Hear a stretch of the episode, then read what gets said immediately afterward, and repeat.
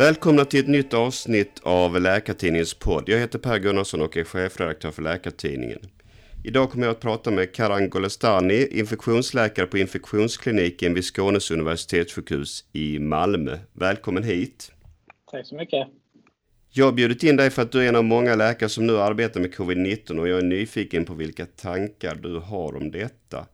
Först skulle jag vilja fråga om en sak som är lite svår att svara på men som ändå är intressant. Har du själv någon tanke hur det kommer sig att smittan inte har spridits mer i Skåne än vad den har gjort så här långt? Ja, det är väldigt intressant. Eh, är, vi har ju väntat och väntat.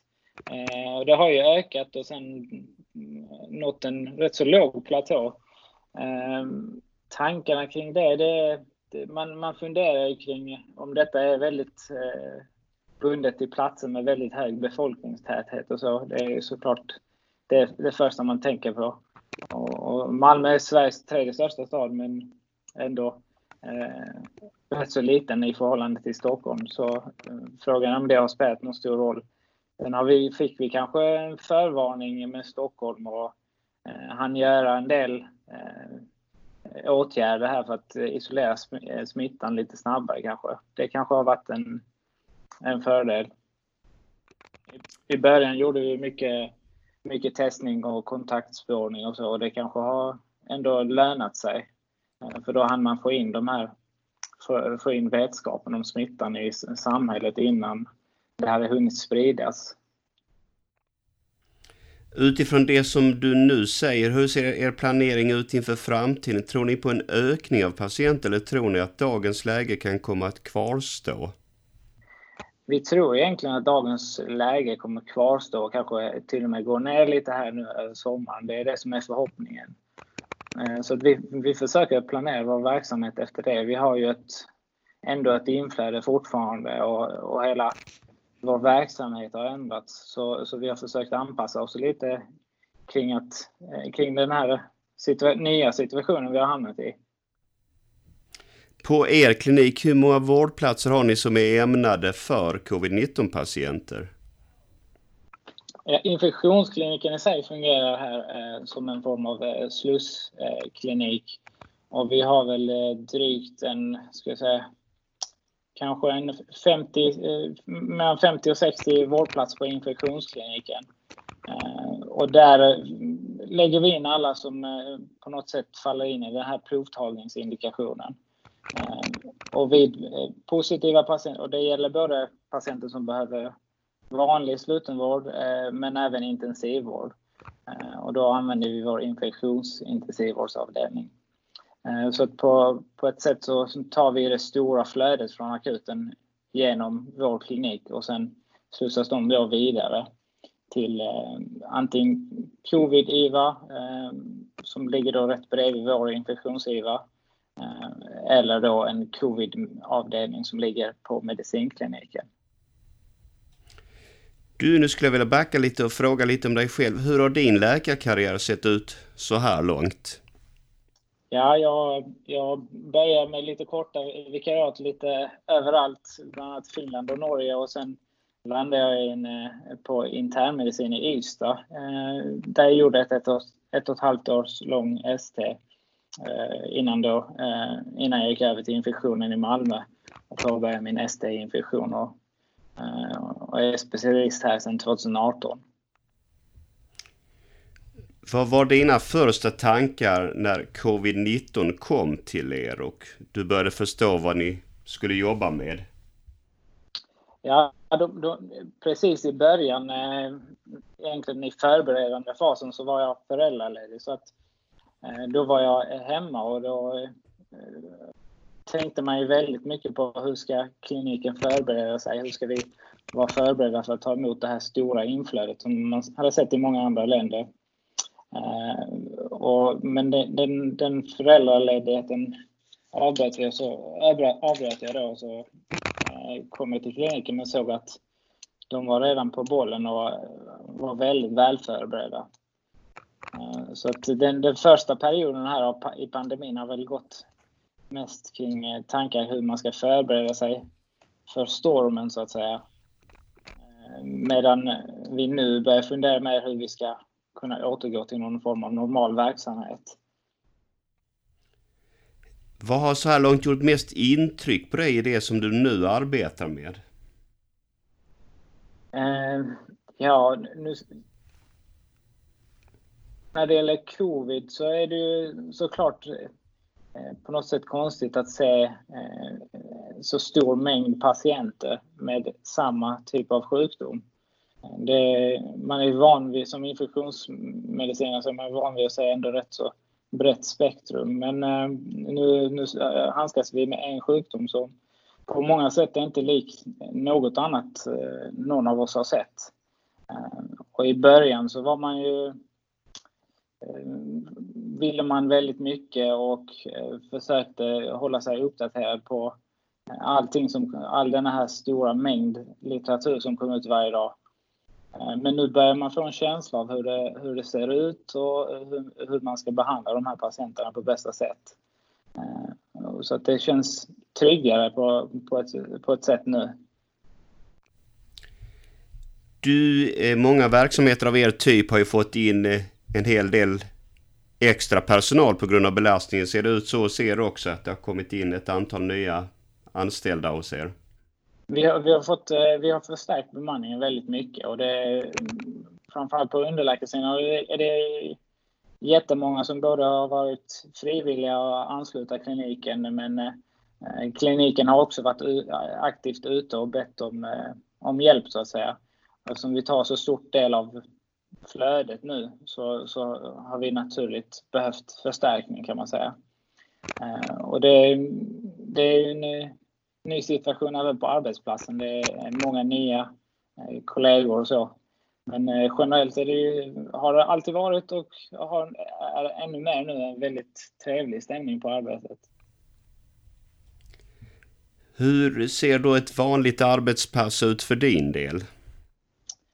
Ja, ja, ja, det varierar om man är på avdelning eller konsultsidan. Ehm, jag har, under covid-pandemin har jag nog varit rätt mycket på konsultsidan. Och, ehm, där, där börjar man dagen med att försöka få en överblick över platssituationen och de patienter som har blivit inlagda.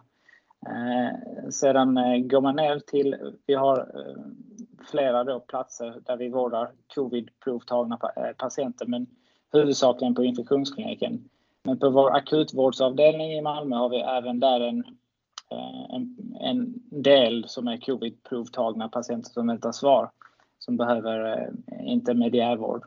Eh, så då börjar man med att gå ner där och ha avstängning med intensivvårdsläkare och akutvårdsläkare då, bland de patienter som ligger där.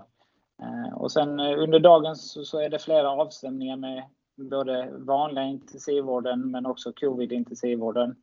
Eh, och sen till slut då även eh, covid-medicinavdelningarna som då, tas, som då rondas av medicinläkare men där vi har närvaro varje dag eh, för att försöka stötta upp med alla frågor som rör just covid och andra infektioner. Så det är mycket samverkan det handlar om för din del då ja? Precis, det är väldigt mycket samverkan med andra kliniker. Eh, framförallt då akuten, eh, intensivvården och eh, medicinklinikerna. Vi, vi, vi, har ju haft långtstående tradition med att ha ett gott samarbete med de klinikerna så att det är ytterligare stärkt nu. Det har varit, varit väldigt bra samarbete. Hur är då arbetsbelastningen jämfört med tidigare? Ja, det, vi, vi märker det eh, rätt så mycket på joursidan. Vi har mycket fler jourer än vad vi normalt sett har. Sen har vi stärkt upp bemanningen väldigt mycket så att eh, och vi har inte heller fått samma kraftiga eh, inflöde som Stockholm så att belastningen, vi har ju och sett till stort så har ju sjukhuset många fler infektionspatienter än vad det normalt har. Det måste man ändå ha någonstans i bakhuvudet att vi har ju dubbelt så många patienter med infektioner eh, jämfört med tidigare, varav då hälften har kanske covid. Eh, och det, det, så det, det, det är just det här att försöka återgå till normal verksamhet som kanske har varit en utmaning där vi eh, försöker hålla oss eh, hålla kontakt med många kliniker för att kunna ta hand om de andra patienterna som har eh, andra former av infektioner. Vilken eh, skyddsutrustning använder ni hos er? Vi eh, följer då vårdhygien och som då slutligen utgår efter Folkhälsomyndighetens riktlinjer. Och det är eh, visir och munskydd eller andningsskydd beroende på vilken patient det är. Och även då kort eller långärmat plastförkläde beroende på hur nära patienten man är och vilken typ av patient det är och, och handskas så, såklart. Ehm, så att i stort är det en, en skyddsutrustning vi är rätt vana vid att använda på infektionskliniken ehm, och, är väldigt trygga med att använda den typen av skyddsutrustning. Så för er del känns det inte som att det är en eh, markant tyngre situation i, i, när det gäller att använda utrustning? Nej, där har vi nog varit rätt så trygga på infektionskliniken. Vi har ju en vana av att klä oss på rätt sätt och vi, vi är väldigt drillade i hygienrutinerna sedan tidigare. Och vi är ju vana vid att vårda patienter med eh, smittsamma sjukdomar. Eh, så där, där eh, är, är det, känner vi nog ingen större oro.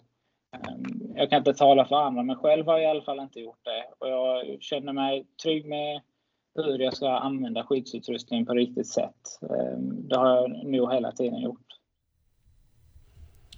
En situation som skulle kunna uppstå är ju det här att man måste vårda kollegor som insjuknar. Ehm, känner du dig redo för att hantera en sådan situation? Ja, det, det är ju en situation som har uppstått på andra platser men eh, vi har som tur är inte hamnat i den situationen. Eh, än. Men det, det är såklart, det, det får man vara beredd på. Det, man har ju haft patienter som man kanske känt sedan tidigare också. Det, det är en situation som är lite ovan men, men man får försöka hålla sig så neutral som möjligt så att säga. Den här situationen som vi är i nu kan ju i värsta fall hålla på ganska länge till. Vad tänker du kring det? Mm. Ja, det, är, det är ju en utmaning. Den stora utmaningen är ju att försöka övergå till någon form av eh, både på arbetet någon form, någon form av normal verksamhet men även ute i samhället återgå till någon form av eh, normal situation. Och det är väl kanske den största utmaningen den här pandemin eh, ställer oss inför. Just nu är vi väldigt fokuserade på just covid och så men eh, i takt med att vi har sett att eh, det inte har blivit den storm vi förväntar oss så har vi väl gått, återgått till att tänka mer hur vi ska bygga alternativa flöden och eh, kunna ta hand om våra vanliga patienter så att säga. Just det, de vanliga patienterna. Var hamnar de idag? Mm, det, det, är en bra fråga. Eh, vi har en rätt så stor medicinklinik på sjukhuset i Malmö och vi har ju försökt eh, placera våra infektionspatienter där. Eh, och de är vana vid att eh, handskas med infektioner. Vi har också en närvaro där varje dag genom en konsult.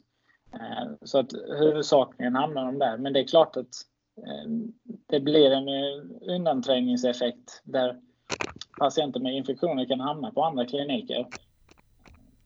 Och det, det är såklart, eh, det för, försöker vi hjälpas åt att hitta och försöka förmedla till andra kliniker att ta kontakt med oss så fort de har en patient vi bör ha kännedom om.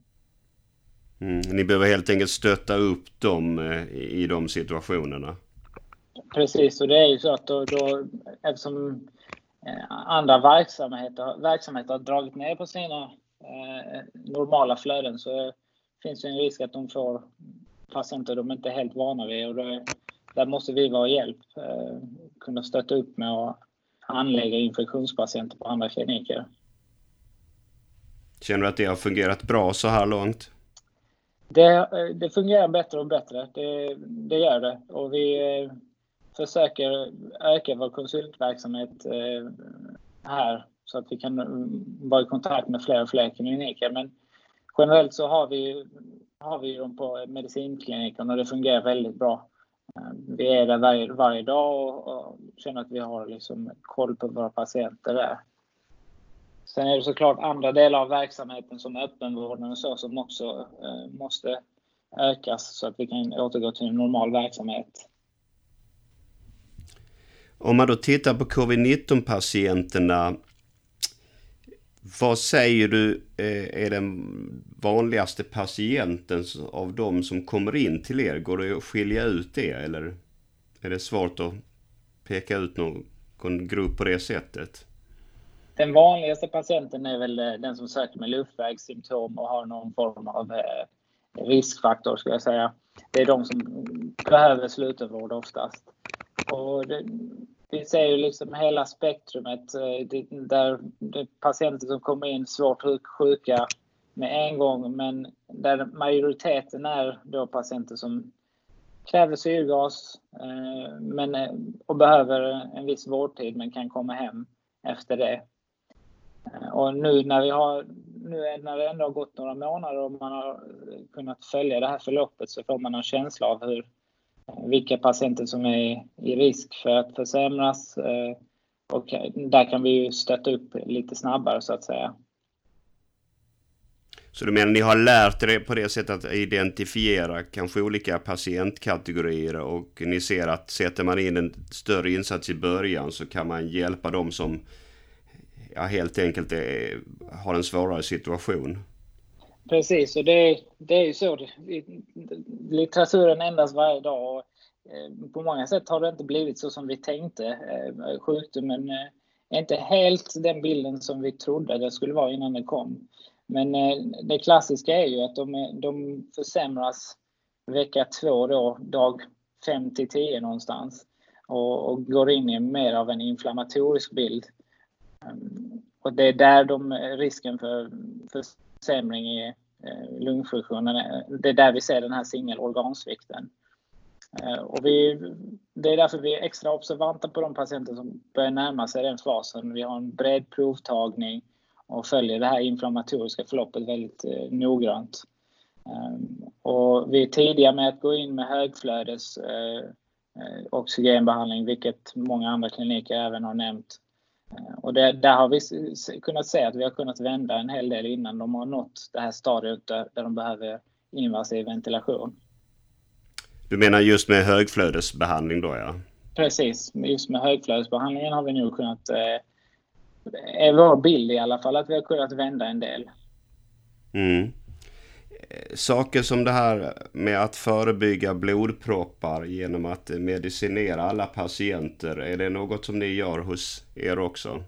Det är det. Vi, vi ger lågmolekylärt heparin till alla eh, som kräver inneliggande sjukvård. Och vi, de får även eh, lågmolekylärt heparin eh, när de skrivs ut. Eh, vi, vi ger även en högre dos till de som kräver intensivvård eller har en en inflammatorisk bild och behöver till exempel högflödesoxygen. Och det är ju en, en sak vi har lärt oss eh, som vi snabbt såg då Eh, i början av pandemin att vi såg många som hade koagulationsdefekter och tromboser. Eh, och det var, där var, var nog många kliniker väldigt eh, eniga om att vi skulle snabbt gå in med lågmolekylärt det här att det är en helt ny sjukdom som också då har fått en omfattande spridning. Har det gjort att ni fått ompröva mycket? Jag tänker just att eh, en praxis kanske har fått växa fram med tiden och ibland ändras jämfört med om det hade kommit en större grupp med en etablerad sjukdom. Ja, vi försöker det, det är verkligen eh, ett, vi har ett PM och det är ett, verkligen ett rörligt dokument som har ändrats eh, varje vecka. Och mm. Där måste man vara ödmjuk och tänka att vi vet inte alls eh, lika mycket som vi kommer veta imorgon eller nästa vecka. Eh, och man måste vara snabb med att ta till sig fakta. Sen är också risken med något som en snabbt växande pandemi att vi vill för mycket och gör för mycket. Eh, och man känner, känner att man verkligen vill göra någonting för patienten och det, där är ju risk att man även gör skada om man går in med behandlingar som vi verkligen inte har något vetenskapligt stöd för. Eh, och det har ju också varit en lärdom eh, under pandemin. Att man måste, vi måste kunna eh, återgå till de vanliga tankarna kring evidensbaserat eh, och försöka förhålla oss till det. Men det är klart vi är ödmjuka inför vad som kan komma och att vi är snabba på att ändra om evidensläget skulle ändras. Mm. Jag tolkar det som att du menar att man, man får inte testa för mycket utifrån en god vilja. Precis, så, är det ju. Ehm, alla har ju, de flesta har ju god vilja och vill hjälpa sina patienter och känner, känner att de vill göra någonting. Ehm, men det finns ju också risk för skada om man eh, använder obeprövade metoder eller läkemedel så att säga. Mm. På senare tid har det talats en del om att det finns ett kommande stort rehabiliteringsbehov för covid-19 patienter. Har du någon tanke om det?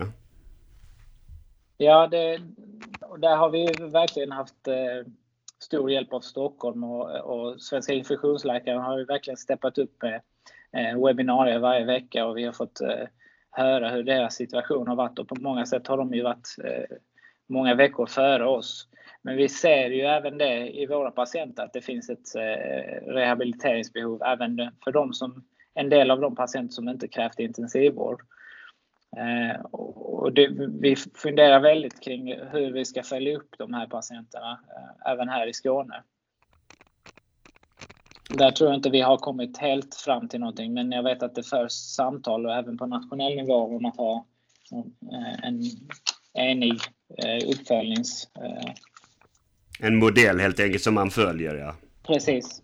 Och vi har ju fått input från eh, andra län hur de har följt upp sina patienter. Just det. Än så länge är i alla fall planen i Malmö att vi, vi försöker följa upp alla de som varit eh, svårt sjuka här i, eh, på infektionskliniken tills vi har en, en lite klarare bild över hur de ska följas senare. Det eh, jag tänker på också är det här med att följa patienter framåt i tiden. Om vi tänker att det pågår ett mm, par månader till, vi har ju ingen aning egentligen, men tror du att kunskapen kommer att fortsätta att byggas på då eh, kring hur man hanterar sjukdomen på bästa sätt? Det tror jag absolut och det, jag tror också många av eh, sakerna vi kommer kunna lära oss till hösten är, kommer, vi, kommer vara saker vi kommer lära oss från vår egen situation här i Sverige. Det, det är ju väldigt annorlunda. Ehm, det är väldigt landsberoende eller regionsberoende eh, hur man bedriver sjukvård. Och för våra förhållanden så kanske vi kan eh, dra lärdom av det vi har gjort själva här. Då är det dags att sluta. Jag vill tacka dig för att du ville vara med. Eh, jag ska säga att denna inspelning görs den 2 juni. Om ett tag kommer nästa avsnitt av denna podd. Hej så länge!